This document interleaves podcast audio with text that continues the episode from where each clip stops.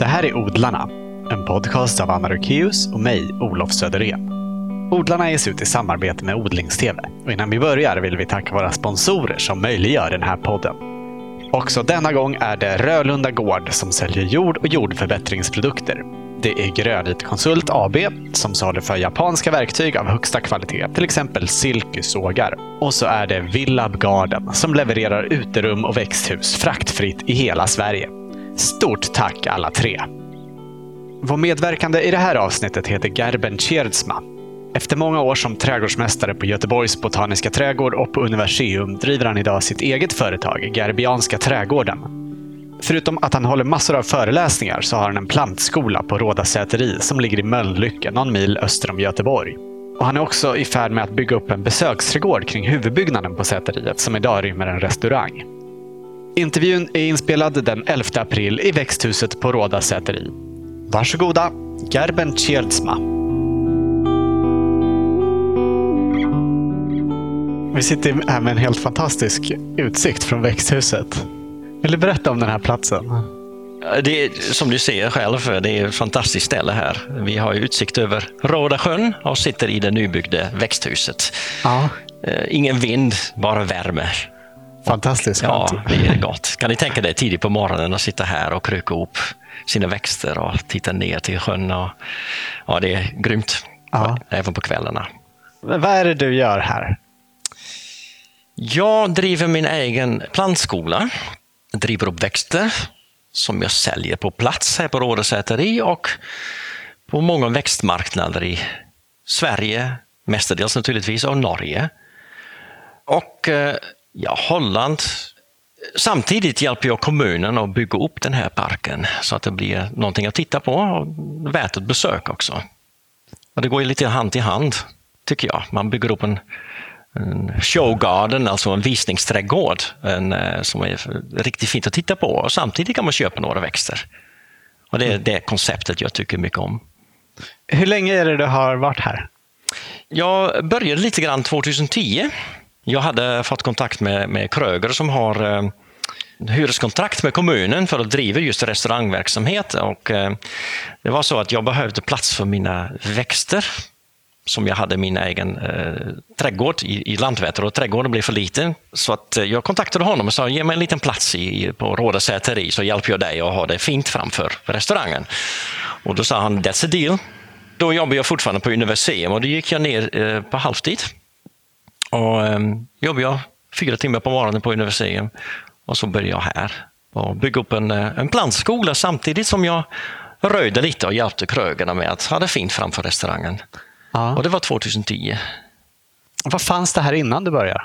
Det var ju en restaurangverksamhet och eh, i parken var det ingenting.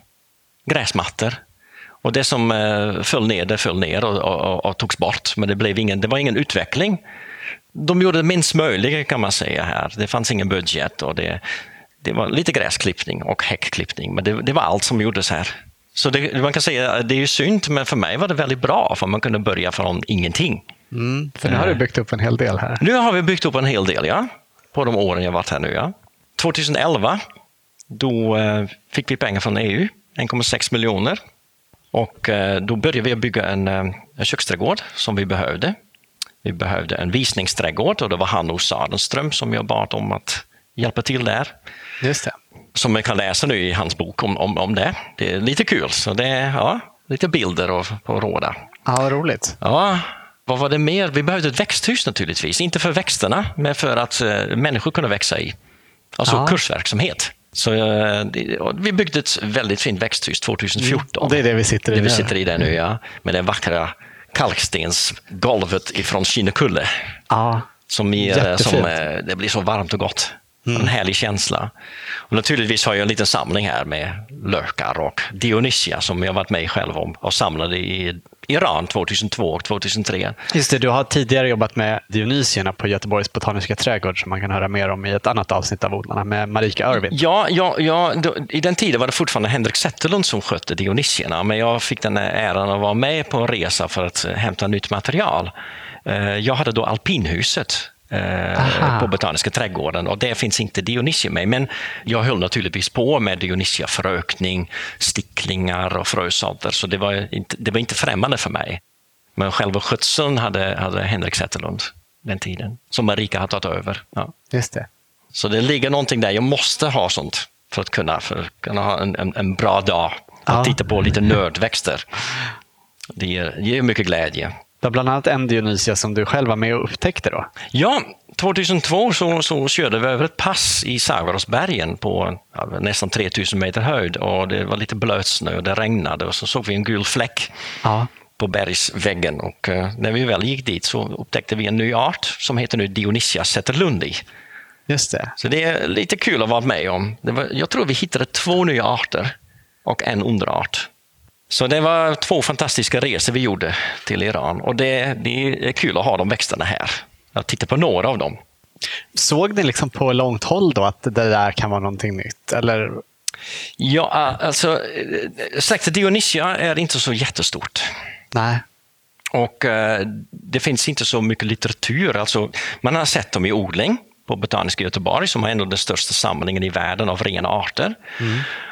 Sen har jag varit på besök i Tyskland och Holland hos fler som hade Dionysia eh, i sin samling.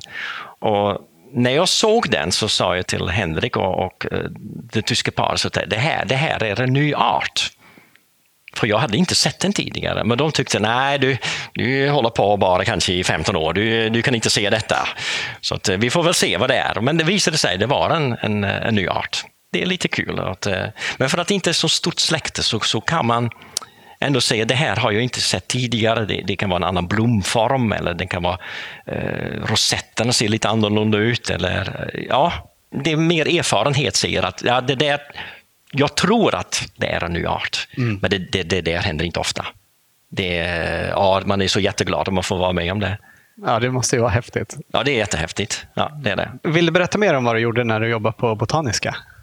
Ja, alltså jag började där, det- jag, 1990 så var jag där, jag tror fyra eller fem veckor i april-maj för att evakuera växter från Europaavdelningen, från den gamla delen, för att göra en helt ny eh, del i, med, med vattenfall och sånt.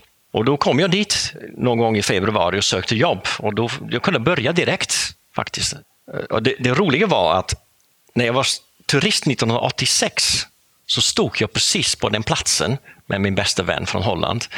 Tog en foto på klippträdgården och så sa jag för skoj, alltså, det skulle vara roligt att få jobba här någon gång. och så fyra år senare så stod jag och grävde upp de växterna som jag fotograferade tidigare. Ja, det, det, det var grymt. Men eh, så kom jag tillbaka våren 1991 och då stannade jag där i 17 år. Och projektet Europa, kullen, började då eh, komma igång. Det gjorde jag tillsammans med Mats Lindegren. Han lärde mig jobbet, hur man jobbar med sten. Man kan tänka dig är en holländare som jobbar med sten. Är, man har ju ingen sten i Holland. Nej. Och, och du hittar en sten i Holland så är den fridlyst. så det, det var lite kul. Och Vattenfallet det tog också ett år att bygga och 1993 hade vi invigning. Sen började jag lära mig eh, växter, mer om skötsel. Hade du inte jobbat med växter innan? Som barn i Holland och som 13-åring började jag i byn. Jag jobbade varje lördag, varje semester och på en frilansplantskola som var en kilometer cyklande ifrån mitt hem. Som hobby, som lite extra knäck. Aha. Eh, Och det gjorde jag ja, nästan i tio år. Ja. Och så studerade jag kulturteknik som är ett typ av landskapsvård kan man säga. Det gjorde jag i fem år. Jag hade väl fyra år kvar. Men jag gjorde praktiktid i Norge då. Och eh, på en bondgård på västkusten. Okej. En sån idyllisk Agatynet var det. Alltså kan ni tänka er från Holland var man alla bönder har 200 kor och tre sorters gräs i åkrarna. Så kommer man där i Norge så ska man slå med lie. Så har de sex kor och kan leva på det och så hittar du 80 örter i deras gräs som de äter. Ja, den krocken var ju stor alltså. Så jag bestämde mig, det här måste jag stanna. Ja, det kändes exotiskt. Ja, det var så exotiskt. Det var ju fantastiskt i maj när, när allt blommade där.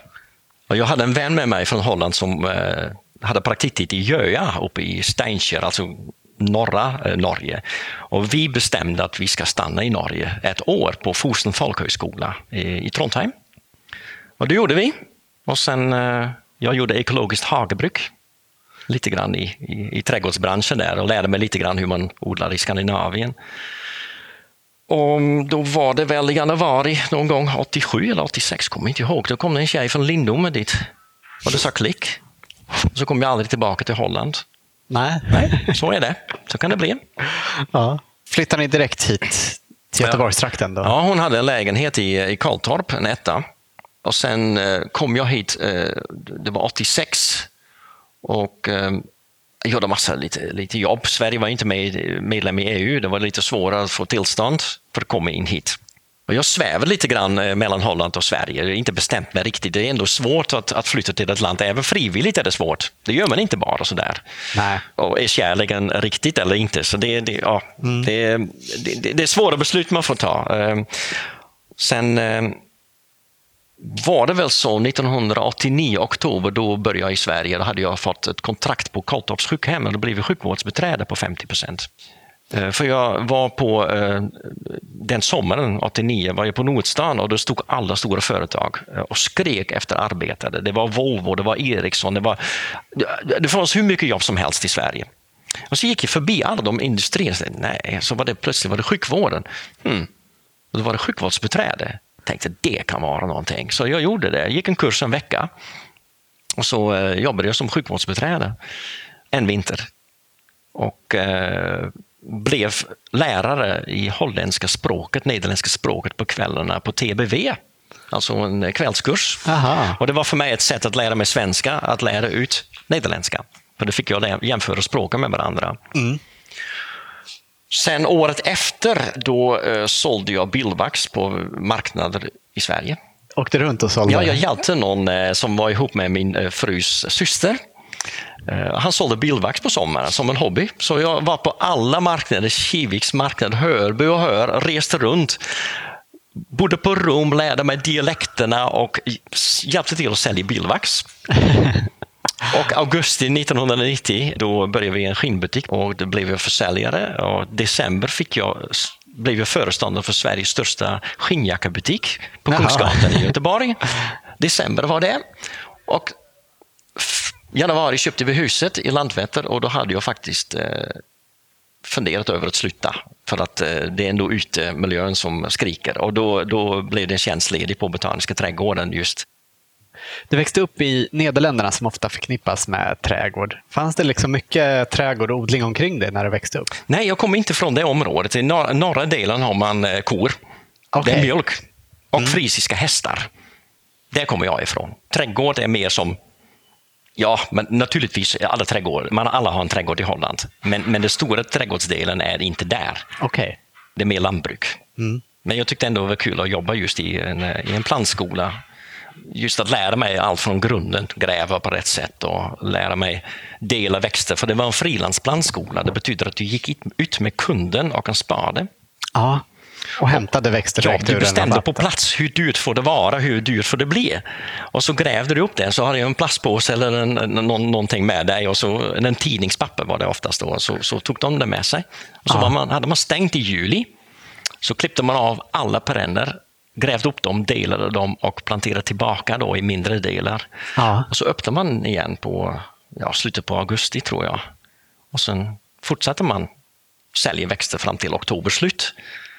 Men då lär man sig riktigt grunderna. Jag visste inte vad växten hette. Men när jag såg rotsystemet visste jag precis vad jag skulle göra med den växten som jag hade framför mig.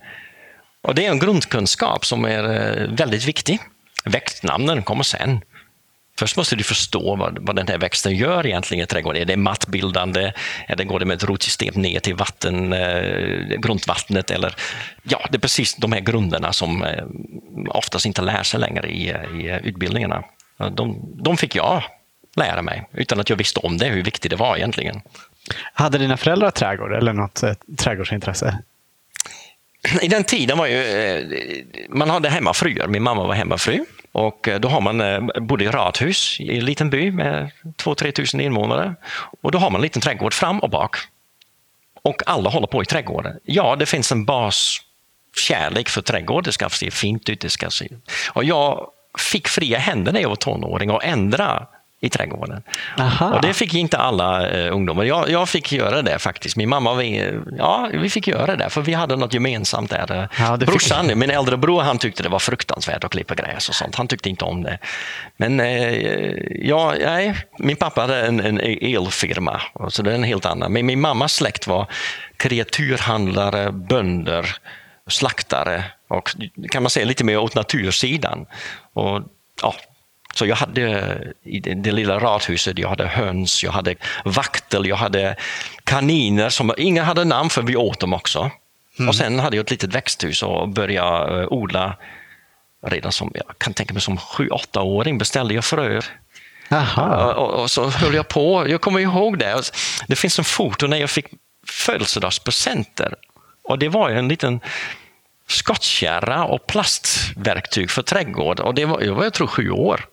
Mm. Så det- jag tror att det har suttit in länge där. Ja. Det har alltid funnits med Det har alltid funnits med. Så jag gjorde trädgård och, och far och morföräldrarna. På det sättet kunde jag tjäna lite pengar. Och på 70-talet så var det ju en ändring på gång i, i Holland. Den holländska vågen som kom till Sverige, Piet Oudolf och de, de alla höll på med förändringar. Men alla på sitt sätt. Och jag var ju bara 14-15 så jag gjorde grannens trädgård och då sådde jag i vilda, vilda växter. Ja. För man var lite trött på det här eh, stela gröna trädgården med rosor och hebe man hade då. Så man ville ha annat, man ville tillbaka till naturen. Och då, eh, jag kommer ihåg, jag sådde björnloke i deras trädgård. Det var fantastiskt. Eh, Inte en rak stig, men en, en krokig stig. Ja. Och med bark istället för betong. Och det, alltså alla höll på eh, att, att få tillbaka någon, någon typ av natur igen till sin trädgård. Ja. Men så du hade med dig en hel del växtkunskap från din uppväxt då, när du kom till Norge. Du sa att du hittade 80 olika örter i de här gräshagarna. Ja, alltså, jag, jag var naturligtvis botaniskt intresserad också. Och, eh, på den högskolan i Holland så fanns en kurs att man skulle eh, examinera en, en kvadratmeter för att kunna bestämma hur viktigt det här landskapet var egentligen och ge en poäng och sånt. Och eh, jag tyckte det var jätteroligt att just examinera växterna. Och mina klasskompisar tyckte inte det. Och så kunde jag tjäna en back öl för att göra det åt dem istället. Så jag, jag tjänade lite öl många- genom att göra deras jobb. Ja, du gjorde många kvadratmeter Jag istället för gjorde, en. jag gjorde några kvadratmeter. Gjorde jag. Det var riktigt kul var det. Och sen när man kom då till Norge, det var ju helt, eh, ja, det var ju bara att fortsätta. Jag fyllde år där så fick jag en eh, flora på norska Ja. och eh, den pluggade igenom. Och då, ja, det var min kvällsjobb. Efter bondearbetet på kvällarna och helgerna då, då gick jag omkring och examinerade växterna. Så de kunde jag på norska då, men mest, mest vetenskapliga såklart. För jag hade, på högskolan i Holland hade vi fått fältbiologi, så jag, grunderna kunde jag. Men det var roligt att kunna använda sin, sin kunskap då i, ett, i ett annat land. ja. Men på folkhögskolan där i Trondheim, då var det ekologisk Ja, det var en ekologisk grönsaksodling kan man säga. Men naturligtvis gick ju även där ut i naturen och eh, examinerade och kollade. Och min bästa vän som var med, han gjorde båtbyggarlinjen som är en av eh, världens bästa båtbyggarlinjer. Man byggde på ett gammaldags sätt. Och så fanns det en eh, fiskelinje och så fanns det en eh, jordbrukslinje. Men det fortsatte jag med, att, just att lära mig hur man skulle odla i just den breddgraden, att man kunde ha vitlök där. Det var jättelärorikt. Det bästa var någonting, det var, jag fick tre böcker från Holland och det var Tolkiens böcker. Kan du tänka dig att se det här norska landskapet framför dig, som jag hade framför mitt fönster och läste Tolkiens böcker. Det var grymt. Tolkien, han var trädgårdsintresserad va? Ja, jag vet var jag har sett någon ja, bild när som- han står i ett växthus. Som han beskriver allt så måste han vara naturintresserad i alla fall. Ja. Mm. Men om vi återgår hit till Rådasäteri och miljön här. Det finns ju ganska stora gräsytor nedanför huvudbyggnaden Ja. mot sjön som Ja. egentligen inte ser ut att användas så mycket idag. Nej, nej. Förr i tiden stod det ju bara eh, äppelträd, äppelträd och, och, och päron. För det var en stor produktion av eh, frukt och, bär som de sålde i, eh, i Göteborg centrum. Och de hade ju, vad jag har förstått, nästan 22 växthus här för 100 år sedan. Så Oj. det var en, en otrolig produktion här av, av gurka, tomater som de sålde då i, i två butiker i Göteborgs centrum. Ja. Eh, Och de, de höll på att sälja grönsaker och sånt fram till 70-talet. Och även snittblommor. Så det har varit en stor bondgård här Ja, verkligen. Med flera trädgårdsmästare som bodde här i området och folk som bodde i Mölnlycke som hjälpte till att, eh, ja, att göra jobbet här. Men det finns inga planer på att ta upp eh, och ha mer grönsaksodling här framöver? Grönsaksodlingen, det finns ingen budget. Vad jag, vad jag odlar här i vår grönsaksträdgård är örter och kryddor som de behöver varje dag. På restaurangen? På restaurangen och mm. ätliga blommor och sånt som annars de måste köpa dyrt i små plastlådor som kommer från England. Jag menar, det är helt sjukt, men eh, jag försöker att ha så mycket sådana roliga grejer här. Men även lite pedagogiska grejer för barn, att man har kanske så en eh, viltmorot och kanske en odlad morot. Och så kan man berätta varför de är så som de är. Så det är också det lite kunskapsträdgård. Och det, de får rycka upp växterna och äta dem om de vill. Det är inte så att de inte får, får smaka på, på, på det som finns i, i köksträdgården. Så det, de, de måste göra det. Barnen måste hålla på och peta och peka på, på alltihopa och, och känna på rosmarinen och sånt. Det tycker jag är viktigt. Sen har vi då ehm, också en, ehm, en bikupa där som barnen kan öppna, ovansidan och framsidan. Ah, så man ser hur det, hur ja, så det ser, hur det ser ut. Ja. ja. så det, är lite pedagogiskt där med. Men det är för litet att odla då 4 000 salladshuvud som kanske då eh, restaurangen behöver. Och det skulle se ganska tråkigt ut med bara salladshuvud i, eh, i köksträdgården. Så det, vi håller oss till örter och kryddor och några enstaka grönsaker som de kan servera en helg som jordärtskockor. Ja, jag, menar, jag producerar här kanske 10 kilo, men det är, det är, två dagar på en helg, då är det borta. Mm. Så vi kan inte odla de här mängderna mängder. man behöver. Ja.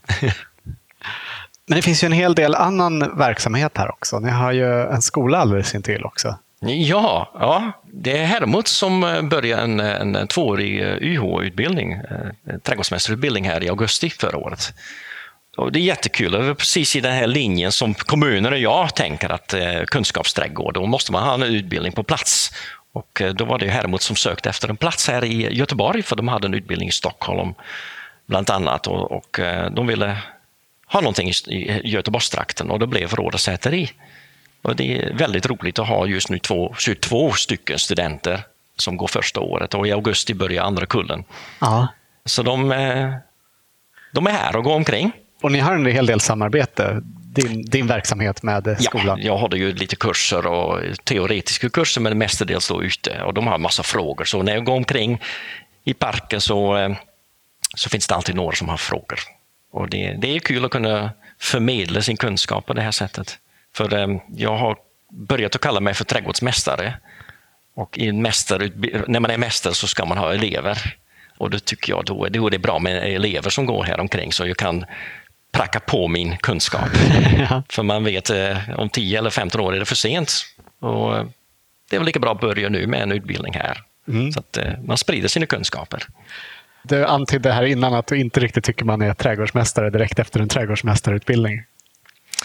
Nej, det, det, det, ja, det, det, tog för mig lång tid att kalla mig för mästare. För jag, jag är ju van med, med snickarmästare eller köksmästare. Och de, de har inte gått en ettårig utbildning och kallar sig för mästare. Så att, eh, jag själv eh, tyckte det var väldigt konstigt att kalla mig för mästare. Eh, jag, jag tror att, jag var två, att det var 2001 eller 2002, då fick jag tjänsten trädgårdsmästare på Botaniska trädgården. Det är också då man har kontakt över, över ja, med tyskar och sånt, de har ju fortfarande den riktiga trädgårdsmästartiteln. Ja, och, är det som ett lärlingssystem? Ja, då, du går först några år eh, skola trädgårds, alltså trädgårdsskola så ska du ut i, i verksamheten och jobba två år, sen går du tillbaka igen och så ska du skriva eller göra ett prov.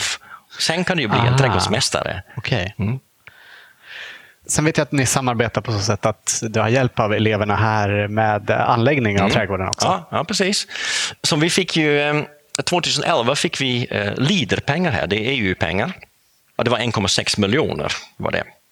Eh, men för att få LIDER-pengar då måste jobbet göras av frivilliga. Mm. Och var finns frivilliga? Ja, de finns naturligtvis i Mölnlycke, men de finns även på trädgårdsutbildningarna.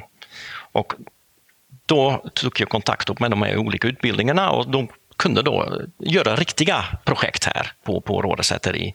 Att anlägga köksträdgård, eh, Hanno Sörenströms anläggning, bygga växthus, ja, det är olika typer av anläggningar och röjningar och allt kan ju då passas in i olika kurser de har i, i skolan. Men jag har haft många personer här som har varit utbrända. Jag hade haft en kille från Bagdad för att lära sig bättre svenska. Och det, det är allt möjligt folk som har varit här i, i de åren jag har varit här. Ja, det är vinden som... Det är lite blåsigt ute idag. Ja, det är lite mysigt. Ja, väldigt ja. skönt här inne när det blåser ja. utanför. Ja. Mm. Du berättade ju om Hannes Sörenströms utställningsträdgård. Men när du visade oss runt här innan så fick vi också se en plantering som var designad av en tysk trädgårdsprofil som vi inte kände till. Ja, det, det, det, var i samband med Gothenburg Green World så skulle vi också göra någonting här på Råde säteri och då bjöd jag in min eh, en vän till mig som är professor i eh, landskapsarkitektur, eh, Kasia Smith, och han gjorde en anläggning här, eller ritade en anläggning, men naturligtvis hela jobbet gjordes av studenter. Men som kontrast till det så, så tyckte jag det var bra att eleverna också gör en anläggning. Ja. Och då uh, kopplade jag in August Kopps trädgårdsvux uh, in där och studenterna de fick i uppdrag att rita två tapetrabatter. Ah, just det, de nere vid sjön här. Ja, precis ja. ja. Och de skulle inte innehålla då uh, ettåriga växter, det skulle vara perenner för det, ska, det är en hållbar trädgård här. Rådjurssäkert skulle det vara och med lång säsong. Och de fick ju naturligtvis komma med sina förslag och försvara det eh, och sälja eh, idén till oss. Och så valde vi ut en, kommunen och jag. Och då var det en annan klass som fick göra anläggningen. Mm. Du nämnde här innan att ni tittar mycket på gamla ritningar när ni gör planer för trädgården här. Mm. Ja, det, alltså det måste ändå ha ett underlag, alltså ett försvar varför du vill göra någonting i den, just den delen av parken. För att det är ändå eh, ett historisk, en historisk plats där, så, så du måste söka tillstånd eh, hos eh, Länsstyrelsen. Och, och, Vet du hur länge gården har funnits? Man vet inte riktigt, men det här huset är ju sen 1700-talet. Det är nyklassicism. Men själva parkformen är barock och det är det tidigare. Så de måste göra lite mer eh, arkeologisk utgrävning och lite mer forskning och se hur, egentligen, hur gammalt det här är. För vad jag har förstått att eh, Rådes socken blir omnämnt redan på 1200-talet, för det är ett gammalt ställe. Det är det, ett riktigt gammalt ställe. Men just den här parken som det ser ut nu, den är ju ganska ny. Och eh, Det har blivit en liten engelsk park också, kan man säga, till obyggnaden. Men det har aldrig varit en trädgård, det har varit en, en bondgård mm. eh, i stort sett. Men, så att om jag får en idé för att göra någonting här så eh, försöker jag att hitta en ritning eller gamla foton från början på 1900-talet som bevisar eller visar att det har funnits någonting just på den platsen. Och då, då är det mestadels ingen problem för Länsstyrelsen att säga ja till den här idén. Nej, för de måste ges tillstånd för allt. De måste ges tillstånd, ja. Så att, eh, så att det inte gör något väldigt dumt. Så det är bra att de har koll på oss mm. här. Mm. Så att vi inte river några fina grejer här. Ja. Mm. Man, man, man, kan också säga så att fram, fram till kommunen tog över var det privatägt och de behövde ingen söka tillstånd från Länsstyrelsen. Så att eh, familjen Ekman var den sista eh, privata ägaren här. Och de klarade inte av längre skötseln här i, eh, på Rådesäteri och då var det faktiskt kommunen som tog över och köpte hela Rådesäteriområdet. Och när var det? Det var någon gång på 60-talet. Och då fick de driva lite grann verksamheten, fortsätter, eh, fast, fast kommunen hade tagit över. Aha, och då var det fortfarande grönsaksodling? Då var det fortfarande grönsaksodling, sparris och det fanns växthus med tomatodlingar och gurkodling. Eh, men det har varit privatägt eh, sen kommunen tog över. Mm. Och det var ju då på 60-talet och, på 70-talet så öppnades, jag tror 74, så blev det en lyxkrog här. Ja. Eh, kommunen investerade i ett fint kök och så blev det en, en restaurang här och det är känd för sina julbord. Aha. Jag kommer ihåg, jag tittade i tidningarna, julbord på Rådesäteri. Oj, oj, oj, tänk någon gång kom det. Och nu sitter jag här och äter julbord varje dag. Nästan.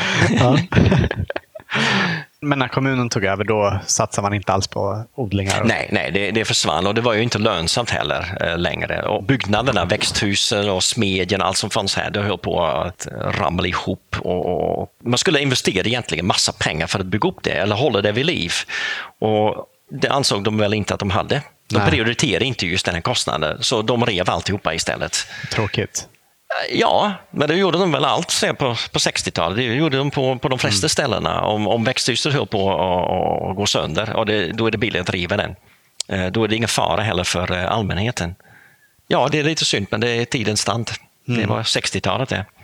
Men det finns några gamla byggnader. Skolan ligger i en äldre byggnad. Ja, det finns några gamla byggnader. Och ert hus är Eh, Vårt hus har blivit utbyggt några gånger. Det, var, den hade, det var inte så högt. Och sen är det tillbyggt på vänster sida, så nu är det lite större än vad det var innan. Ja, för det är en ganska stor trädgårdsmästarbostad. Ja, men när de byggde detta då var det eh, en, familjen Ekman som bodde där. Trädgårdsmästaren försvann ur det huset 1916. För han, eh, de, vad jag förstått har de inte råd längre med honom, så de halverade hans lön och då slutade han. Och då eh, började han en blomsterbutik i Göteborg. Aha. Och då flyttade systern till Ekman in dit. Och då blev det ett helt annat hus. Och trädgårdsmästaren, den nya, fick flytta till ett annat litet mindre hus här i området bakom det här huset som ni ser här. Som är nu fiskarstuga. Ja, det finns några andra eh, gamla byggnader här. Det finns ett eh, arbetes eh, ja, fikarum, ett litet rött hus med långbänkar och krokar man kan hänga sina Är det det kläder lilla på. som var ganska högt och Jajamän. smalt som Ja, stod på, Och som en klocka uppe på taket, Vällingklockan. framför köksträdgården? Ja? Mm. ja, ja, så det är väl en klocka. Och jag, det var en här som besökte mig här. Han har jobbat som trädgårdsmästare hela sitt liv och han berättade när han var ung, han kom i, eh, kanske fyra, fem år, då hade han suttit där och fikat för det, han skulle hjälpa till eller någon i familjen jobbade här och mjölkade Aha, kor. Så han kommer svagt ihåg att han var här och, och härjade här på Rådhussäteri. Kul. Mm. Och det kommer många människor här som går omkring här och säger ja, men jag klippte gräset. Eller jag, jag hjälpte till i hushållningen och, och det, det är väldigt roligt. Många historier. Mm. Och familjen Ekman kommer hit ibland. De som har bott som här, här. Ja, berättar hur det, var, eh, hur det såg ut och var, varför är det så här, frågar jag då. Ja, vi vill ha en tennisbana, så har de rättat till vissa delar. Så det fanns ju ingen länsstyrelse då och de kunde göra vad de ville för det var ju privatägt. Så de gjorde ändringar hela tiden. Men det är roligt att höra de här berättelserna. Ja. Hade de mycket anställda som jobbade med odlingarna här också? Ja, det finns en foto från eh, början på 1900-talet. Då var det ju en foto där det stod 15 pers som bara håller på i trädgård. Och nu är vi bara två. Så det var helt andra tider då. Det var många som bodde runt omkring Rådhussäteri som jobbade här. De Ja. försörjer sig för att få mat. Och det är inte så konstigt. Det var det här det, det skedde. Det, de, de som ägde all mark här. Det är otroligt hur mycket ni har hunnit med tanke på att ni bara är två som jobbar. Ja, och tänk, jag är aldrig nöjd ändå. Men då måste man titta på gamla bilder igen. För jag eh, dokumenterade allt. Eh, på våren 2011 så gick jag omkring i parken och tog foto på alltihopa. Och även när jag gör en ändring så tar jag först bilder. Men om man tittar på det, ja, det kan man, ja vi har ändå gjort rätt mycket. Mm. Jag erkänner.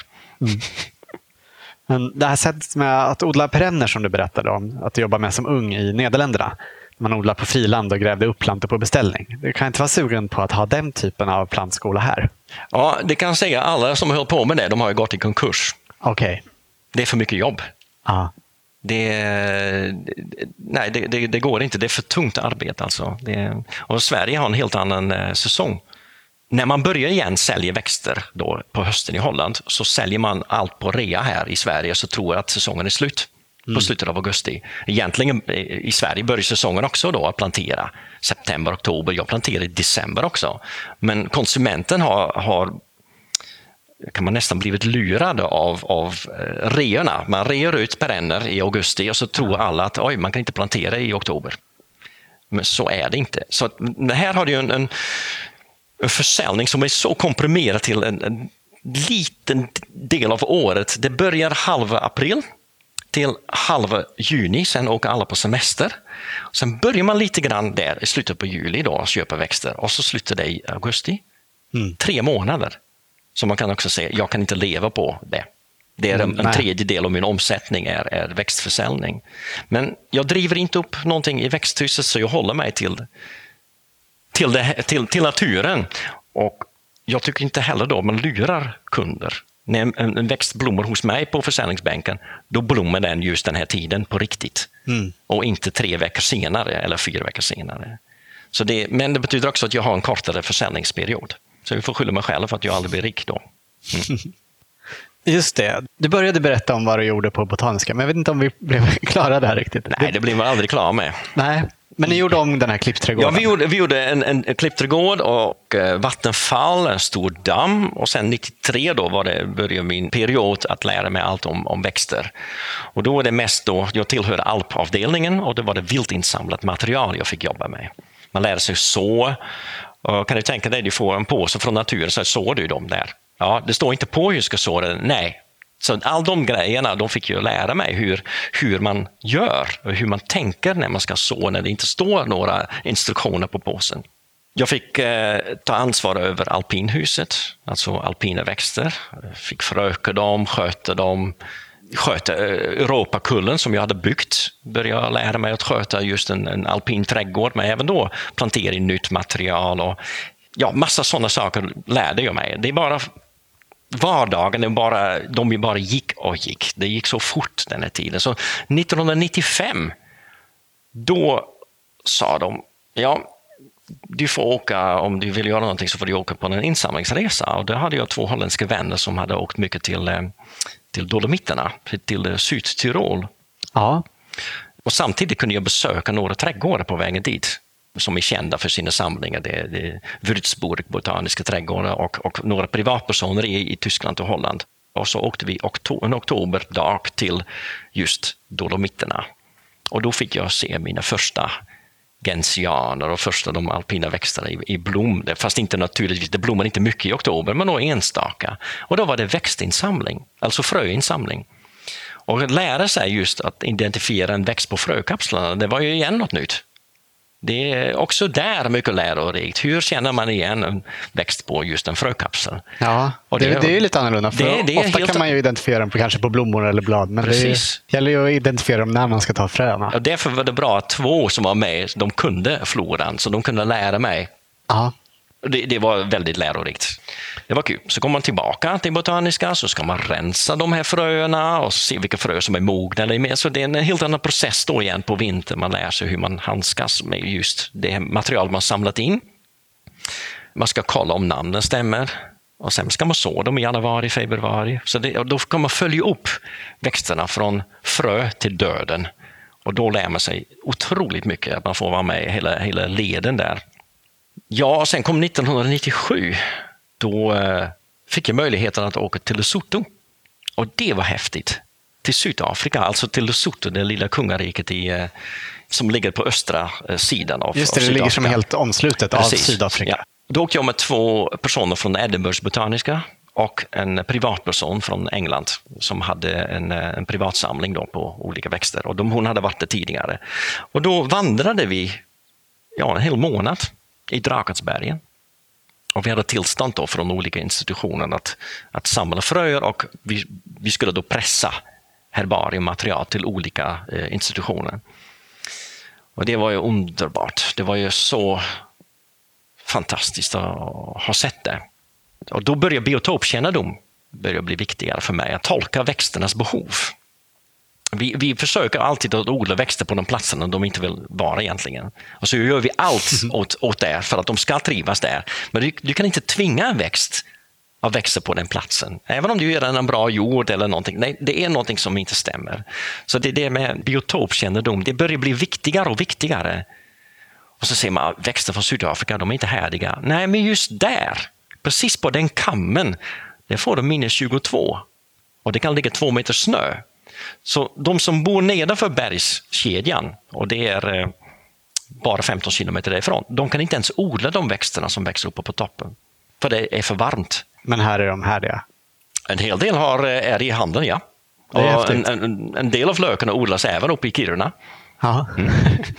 Du berättade när du visade oss runt här att du hade lite planer på en Sydafrika-trädgård här också. Ja, men man, man har ju sin önsketänkande och kanske man ballar ur det ibland i sina idéer. Jag vet inte riktigt, men det, det finns någon foto från 1910-talet att de hade exotiska växter här på Rådesäteri. Då hade de också en, ett eh, orangeri. Mm. Men vi har inget orangeri. Men man har ju exotiska växter. Och för att jag har varit just i Lesotho och sett att många exotiska växter är ju härdiga så skulle man, jag skulle gärna vilja se framför det stora huset en eh, liten Sydafrika trädgård. Ja, vad skulle växa i den? Ja, det blir eh, Knephofia, Agapantes, Crocosmia, väldigt färgglada växter med orange och rött. Och, ja, det skulle jag gilla. Det skulle jag gärna vilja se. Mm. Mm.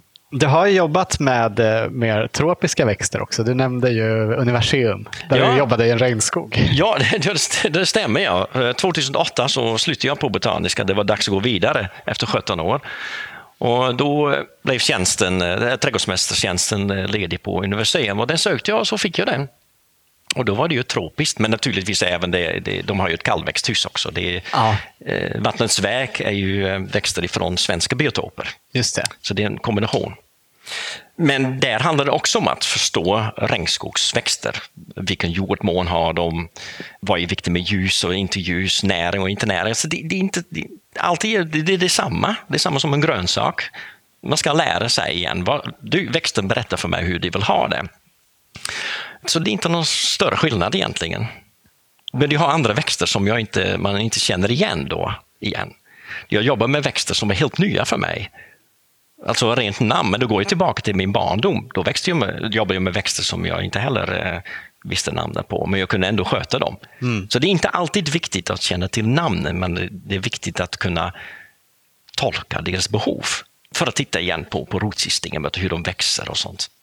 Du har ju berättat om ett par av de här resorna du varit på med Botaniska, men vi läste en text på din hemsida om när ni var i Kurdistan i Irak. Mm. Ni hade blivit inbjudna för att bidra i uppbyggnaden av en botanisk trädgård där. Det här var för ungefär tio år sedan. Vill du berätta om det och vet du hur det har gått sedan dess? Ja, det var en, en, en kurd som jobbade på Botaniska trädgården som hade eh, kompisar som satt i det så kallade regionsregering i Erbil, eller Hauler som man säger. Erbil, det är huvudstad i... Ja, Erbil säger vi, men Hauler säger kurderna. Och, och de ville då ha en, en, typ av botanisk trädgård eller kunskapsträdgård. För någonting så att kurderna kunde vara stolta över. Deras lantbruk, kanske gamla raser av, av djur som kunde vara där. Och han hade då idén att ja, kan inte vi åka dit och försöka hjälpa till? Så Henrik och jag och just den här eh, Django, vi, vi flög till eh, Erbil och fick träffa ministrar och guvernörer och, och sånt och, och prata just om eh, vad kan vi göra, vad kan ni göra? Och de hade ju valt ut en plats. Och vi var där och, och, för att titta om det var en bra plats att ha en botanisk trädgård på. Och det var det.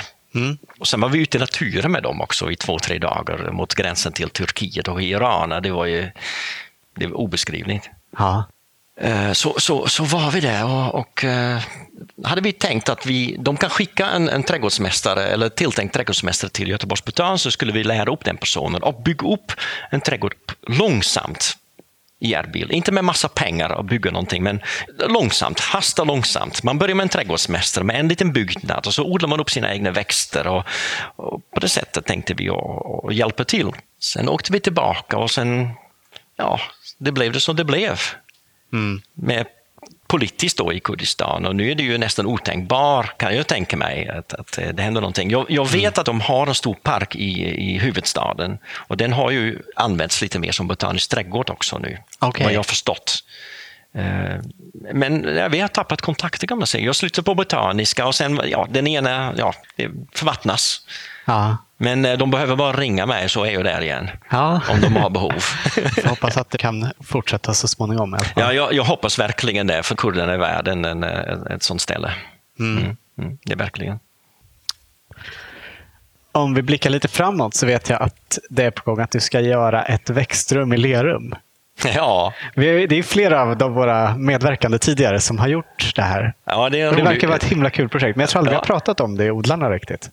Nej, okej. Okay. men det, det, är ett jätteroligt projekt. Ehm, det är kommunen i Lerum som... Ja, det är Lerums kommun och eh, de ville no göra någonting längs ån i Lerum. Och då bjöd de in för tre år sedan Hanno Sarenström och Simon Öving för att göra just en utställningsträdgård längs ån, en permanent utställningsträdgård. Ja. Och det skulle man göra då med frivilliga, med invånare från kommunen. Och Eh, då skulle eh, kommuninvånare ansöka för att kunna hjälpa till. Alltså det var en typ av casting, intervjuer för att hjälpa till. Och, det är ju en fantastisk idé för att man blandar in de som bor där. Så de här trädgårdsprofilerna ritar en trädgård? Och precis, precis. Och, och, och frivilliga och... ihop med en arbetsledare gör de här anläggningarna rent praktiskt. Och så blir det en invigning och sen eh, blir det lite visningar och guidningar. Så förra året var det två nya som fick göra det. Just det, Karin Berglund och Andreas Strömqvist. Precis. Och Karin har ju varit en sån, eh, ja, drottning av, eh, i trädgårdsbranschen för mig. Jag, jag hörde hennes ja. föreläsning börja på 90-talet och det var mina första trädgårdsböcker på svenska jag läste. Det var, ja, hon är fantastisk. Ja, hon är, ja, underbar. Ja. Och hon fick göra en trädgård där, så kom hon hit och köpte växter av mig. Och, sen, och, och det, och så, Gerber, du har Sveriges bästa och då, då går man upp i mång när hon säger det. Ja. och då fick jag ett telefonsamtal förra året. Eh, Ja, vill du göra en, en, en trädgård i, i Lerum? Så, Det var ju helt tyst. Så sa jag, nej, det kan inte jag. Sånt, sånt kan inte jag. Och sen, ja, men, men kanske jag kan försöka. Ja, och då, ja, men de, den andra är Gunnar Karlsson, så då är jag med. Mm. Gunnar och jag hade gjort ett projekt då för SCT2 med en inspelning. Och sen, men om Gunnar är med så är jag med också, så kan vi hjälpa varandra. Så vi hade en casting i februari. Frivilliga kunde söka och de blev två team. De har fått visningar, guidningar här på Råda. Och, alltså vi, vi får bjuda på olika kunskaper vi har då och, och ge dem det. Och I belöning så hjälper de oss att bygga det. Så nu är det, nu är det lite bråttom. Jag väntar på stål för mina anläggningar. Och sen det, det, ja, Ja, det vill du berätta pirrigt. något om vad det ska bli? Ja, det blir en snödroppslund. Blir det. Vad fint. Ja, det, det, det hoppas jag. det. Så det har, jag har hämtat tio stycken snödroppsträd från Holland förra veckan som ska stå där som bas. Aha. Och under det ska det vara snödroppar såklart. Med en, en hel del andra lundväxter i en väldigt kul form. Och det gör vi vid Vammebro som är en gammal bro som ligger precis vid ån. Och det är en liten lundmiljö och det är kul att jobba med lundmiljöer.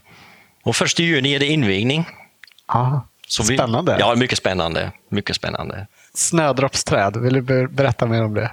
Ja, det är, snödroppsträd det är ett, ett mindre träd från Nordamerika. Det finns eh, välkänt två arter. Halesia eh, heter den som eh, släktnamn. Och den får alltså blommor, små klockor som hänger. Som Som, ser ut som snödroppar. snödroppar och därför heter det snödroppsträd. Häftigt. Ja, det är jättehäftigt. Du kan se dem på Botaniska trädgården i Göteborg, i bland annat Klippträdgården. Men den är inte så utspridd i landet. Men, eh, så jag visste inte hur härlig riktigt den där växten var, så jag satte den naturligtvis ute på Trädgårdsamatörernas Facebooks eh, sida. Och då fick jag svar från många i olika zoner och olika delar av Sverige. Och sen, ja, men det funkar. Ja. Då, då kör vi så. Hur högt upp är den här? i? Jag ser aldrig det. Nej. För det beror på hur den står. Ibland om den står i styv lera, då, då kanske zon 2. Ja. Men om den är riktigt bra och fin, då kanske zon 4 eller 5. Så det beror på hur den står i din trädgård. Såklart. Ja. Men jag, jag pratar inte så mycket om just zonindelningen, för jag gillar inte det. Nej, Man blir så vad- hämmad hela tiden. Jag, jag pratar med trädgårdsamatörer i Dalarna som har magnolier som inte går att odla i Sverige, men de har dem ändå. Ja. De, kan säga, de har inte läst böckerna, de här träden. Nej. Nej, så att det, man, ska, man ska pröva mycket mer eh, än, än vad egentligen vad man eh, vågar. Kul att det blev snödroppar, för det vet jag är Karins, eh, en av hennes absoluta favoriter. Ja, precis. Men jag tänkte på henne när jag tänkte på just tänkte ut det här temat. Ja. Såklart. Ja. Fint. Ja. Vad har du på gång framöver här på Råda? Ja, på Rådesäteri har vi gjort rätt många nya anläggningar. Vad vi håller på med nu i år är skolträdgården som ska bli fin. Sen ska du se till att parken naturligtvis är tipptopp. Och jag har en liten idé då att göra, gräva upp en av, av gångarna igen i, i parken. Och kunna göra en väldigt lång rabatt på 50 meter med bara pioner.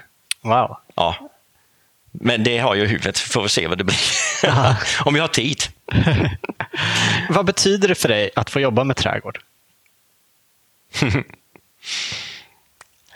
Det, det, det frågar man säkert alla och, och man har väl inget svar riktigt. Ja, det, det är en livsstil. Är det. Ja, min fru tycker det är konstigt ibland att jag, man vaknar upp på morgonen och tänker på trädgård och så lägger man sig så tänker man på trädgård. Men så, så är det. Då bor hon ändå mitt i den här fantastiska Ja, trädgården. men det, man håller konstant på. Och för att det är växter, jag tycker inte det är så stressande heller. Det, det är ändå ganska skönt, för de har kanske ett stressande arbete, men miljön gör så att du blir avstressad. Ja. Om du hade det här stressade jobbet i en fabrikslokal, då hade det varit väldigt stressande, för du har ingenting som kan lugna ner dig. Men just att titta bara, som du ser, titta bara ner till Rådesjön, då blir man lugn igen. Så det är, nej, det, det, det är allt. Ja, nästan allt. Vi har ju familj också. ja. Mm. Är din fru intresserad alls av trädgård? Jag tycker det är kul med trädgård. Men eh, vi hade en trädgård i, i Landvetter och då byggde vi en köksträdgård. Men när jag är ute med henne i trädgården och jag ska rensa, då gör det så fort så hon tappar suget. För då, då, då så det är bättre att du gör det, det går mycket fortare. Så att, eh, hon har sin egen del som hon får jobba med. Och så, så får hon säga till när hon vill ha hjälp. Hon tycker det känns meningslöst att Ja, det till, känns meningslöst. För vad jag gör på fem minuter, det behåller hon på i en timme. Ja. Eh, Så det, det är lite dumt. Mm. Men ni har en liten egen trädgård runt gamla trädgårdsmästarbostaden där ni bor. Ja, vi fick flytta in eh, 2012 i den gamla trädgårdsvillan. Och det, det var ju för mig också en förutsättning. När, när du har en plantskola så, så ska du bo i plantskolan. Förut var det så att jag, jag körde fram och tillbaka Landvetter 15 kilometer. Ja, blir det frost eller inte frost? Ska jag täcka eller inte täcka? Det är det stressen man har på morgonen eller på kvällen eller på helgerna. Nu är jag där. Och jag kan också säga, nu har jag täckt alla växter, men nu kan jag ta ett ledigt två timmar. Så det, det är mycket mer avkopplande när man bor på just arbetsplatsen, tycker jag. Men då Ja. måste jag också ha disciplin att just ta den ledigheten. Och då behövde min fru naturligtvis en liten plätt också. Så när de eh, var på semester så byggde jag en liten eh, örtträdgård åt eh, henne. Ja, Så när de kom tillbaka så hade hon sin egen lilla plätt igen. Mm. fint. Mm. Men den här trädgården då, i Landvetter som du hade haft väldigt länge innan du flyttade hit. Hur kändes det att lämna den? Det, det var jättelätt. Jag, Alltså? trodde, jag, jag trodde inte det. Nej. Jag tog några växter med mig såklart hit till, till eh, Rådsäteri. Eh, vi hade bott 20 år i, eh, eller 17 år var det väl, ute i Landvetter, ute i skogen. Och naturligtvis har man ju växter där som, som man tycker om. Men det är också en del av den trädgården. Och en trädgård dör med sin ägare. Och jag flyttade därifrån. Det betyder att ja, de får stå kvar där. Mm. Nu är den nya ägare får ta hand om dem, eller inte. Du var klar med det? Liksom. Ja, ja, alltså, jag var helt klar med det. Det är bara att lämna och gå vidare. Förutom några som du tog med hit? Ja, självklart. Man ska inte vara dum. Det, det var några eh, buskbioner som jag flyttade i augusti. Och, för det var augusti vi höll på att flytta då. Och naturligtvis tog jag de växterna jag hade samlat själv som jag hade min trädgård med mig. De som man inte kan köpa någon annanstans, de, de tog jag med mig. Men eh, resten kunde stå kvar tycker jag. Det, det, för att hon som köpte huset var också trädgårdsamatör. Ja. Så hon kände igen många växter som stod där som hon hade på sin önskelista. För Ja, men hon, vad roligt. ja, hon hade då eh, Pete Audals växter på sin önskelista. Och jag hade fått många växter från Pete Audal i början på 90-talet. De, de stod i den trädgården. Och det är inte, de, de är inte sällsynta. Så de fick stå kvar där. Roligt att hon uppskattar dem. Ja, hon uppskattade den. Mm. Mm. Kan det någonsin ta ledigt en längre tid när du bor och jobbar så här? Ja, på vintern. Eh, Från och med kan man säga, 1 november om jag inte planerat in föreläsningar. December är alltid lugnt, då är det inga föreläsningar. Januari också. Så då, då åker jag gärna till, till södra halvklotet, till Sydafrika. Och det har jag gjort många gånger. Först i uppdrag av, av Botaniska trädgården till Sydamerika och Sydafrika. Men nu organiserar jag mindre trädgårdsresor, alltså naturresor till eh, Sydafrika. Alltså som är öppet för den som vill och följa med på? Ja, jag, jag hyr en minibuss. Och så flyger jag ner till Kapstaden och så kör jag omkring och tittar på växter. Och så de som vill får följa med och betala ett, ett belopp till mig. Ah. Och så har vi det gott. Det låter roligt. Ja, det, det är jättekul. Ja, och, och det, då är det januari, då är det februari, då är det som värst här hos oss. Och det är fantastiskt där, så det är, det är skönt. Nu är det sommar där. Ja, och det behöver vi också. Man behöver lugna ner sig. Eh, när man jobbar kanske 10, 12, 14 timmar om dagen nu så vet jag också i oktober kan jag ta det lite lugnare igen. Och i december då kan jag ta det helt lugnt igen. Mm. Jag kan visst sova till åtta istället för att gå upp halv sex eller sex. Eller jag kan, eh, man, kan, man kan ta det mycket lugnare då och det behöver man. Mm. Ja. är det just floran i Sydafrika som lockar så mycket? Ja, ja det, det gör det. Och naturligtvis klimatet också. För jag, jag, eh, även om jag har jobbat i regnskog på, på Universium så, så hatar jag fukt och värme. Aha. Eller hatar, hatar, men jag, jag trivs inte i det. Nej. Så i Sydafrika är det ju varmt, men det är också lite torrt i luften. Det, det är som en, en svensk eh, sommar då på den här östsidan och syd, sö- södra delen. Det är våren, det är runt en 20-30 grader och det regnar och det, det är fantastiskt just i januari. Och naturligtvis floran, den är helt enorm. I södra Afrika har du 22 000 arter som är kända och Skandinavien kan vi räkna med runt 2 000. Bara Taffelberget har fler arter än hela Skandinavien. Ja. Ja. Så ni kan tänka er, det, det är fullständigt nybörjare. Varenda gång jag kommer dit i en annan period så fattar jag ingenting vad jag ser. Och det är underbart. Mm. Man är igen nybörjare. Är det det som driver dig att lära dig nya saker? Ja, det, det är väl det. Man är hela tiden nyfiken. Vad som finns, vad heter den, vad finns bakom och varför här? Var, varför inte där? Eh, och hela tiden ifrågasätta. Det gäller ju också studenter. Jag har studenter runt omkring mig och hela tiden ifrågasätter mig. Varför gör du så här? Och det, samma då att hålla föreläsningar, att du måste ifrågasätta dig själv innan ni börjar eh, hålla en föreläsning. Det är det bästa sättet att lära sig någonting, att just lära ut någonting. Men att, att gå omkring i naturen, det, det är... Och en gång om året måste jag till Synderkulle till exempel, i juni, maj, för att titta på, på den floran där. Man behöver inte åka långt. Nej. Det finns där också tillräckligt med många växter, fina växter att titta på och vandra. Så det, det, behöver inte vara så exotiskt, men det stämmer så bra med tiden. Januari är det hemskt hos oss, ja då åker man. Skönt. Ja, det är jätteskönt. Är det någonting mer som du skulle vilja att vi pratar om? Ja, eh, jag, jag har ju en massa kurser här och jag håller massa föreläsningar. Och jag, vad jag försöker förmedla är den här att den tröskeln som folk tror det finns, den tröskeln att börja i, med trädgård, att de ser att jag har inget gröna fingrar och sånt, det, det försöker jag bryta ner. För jag vill att alla ska börja odla. Jag försöker inte ha någon prestige i odlandet. Alltså, jag misslyckas hela tiden och mm. det enda, enda sättet att lära sig någonting är att misslyckas försök och misslyckas och, och, och försök igen och, och, misslyckas och försök igen. För det är en glädje när man väl har lyckats med någonting. Men, men när, när din granne säger att det, det, går inte så ska du ändå försöka. För det finns ingen, det här är ingen exakt vetenskap. Nej. Alla har sina olika erfarenheter och alla har rätt och alla har fel. Och det är det som är otroligt viktigt, att det är bara göra och misslyckas. Det är underbart att misslyckas, för det kan man försöka en gång till. Bra. Vi brukar alltid avsluta varje intervju med att våra medverkande får ge sitt bästa odlingstips. Vilket skulle ditt vara? Ja, min bästa odlingstips är... Det, det kanske är just att misslyckas som du sa Ja, nej, men jag har en annan där. Aha. Jag tror min bästa odlingstips är att ha tålamod. Det är många som inte har tålamod. Fröerna ska gro inom en vecka. Om inte, ja, då, då slänger man fröer för de är dåliga jag vill ha en färdig trädgård nu. För jag vill ha den nu. Nej, det, det är processerna. Det är naturen som får styra. Jag, jag, nej, alltså jag vill framhäva det där att tålamod. Låt fröet göra sitt och jobba inte ihjäl dig och bli stressad om det inte gror. Så tålamod. Det är min bästa eh, tips. Bra. Mm. Tack så jättemycket för att vi fick komma hit, för att du tog dig tid. Det var ett nöje att ha er här. Tack.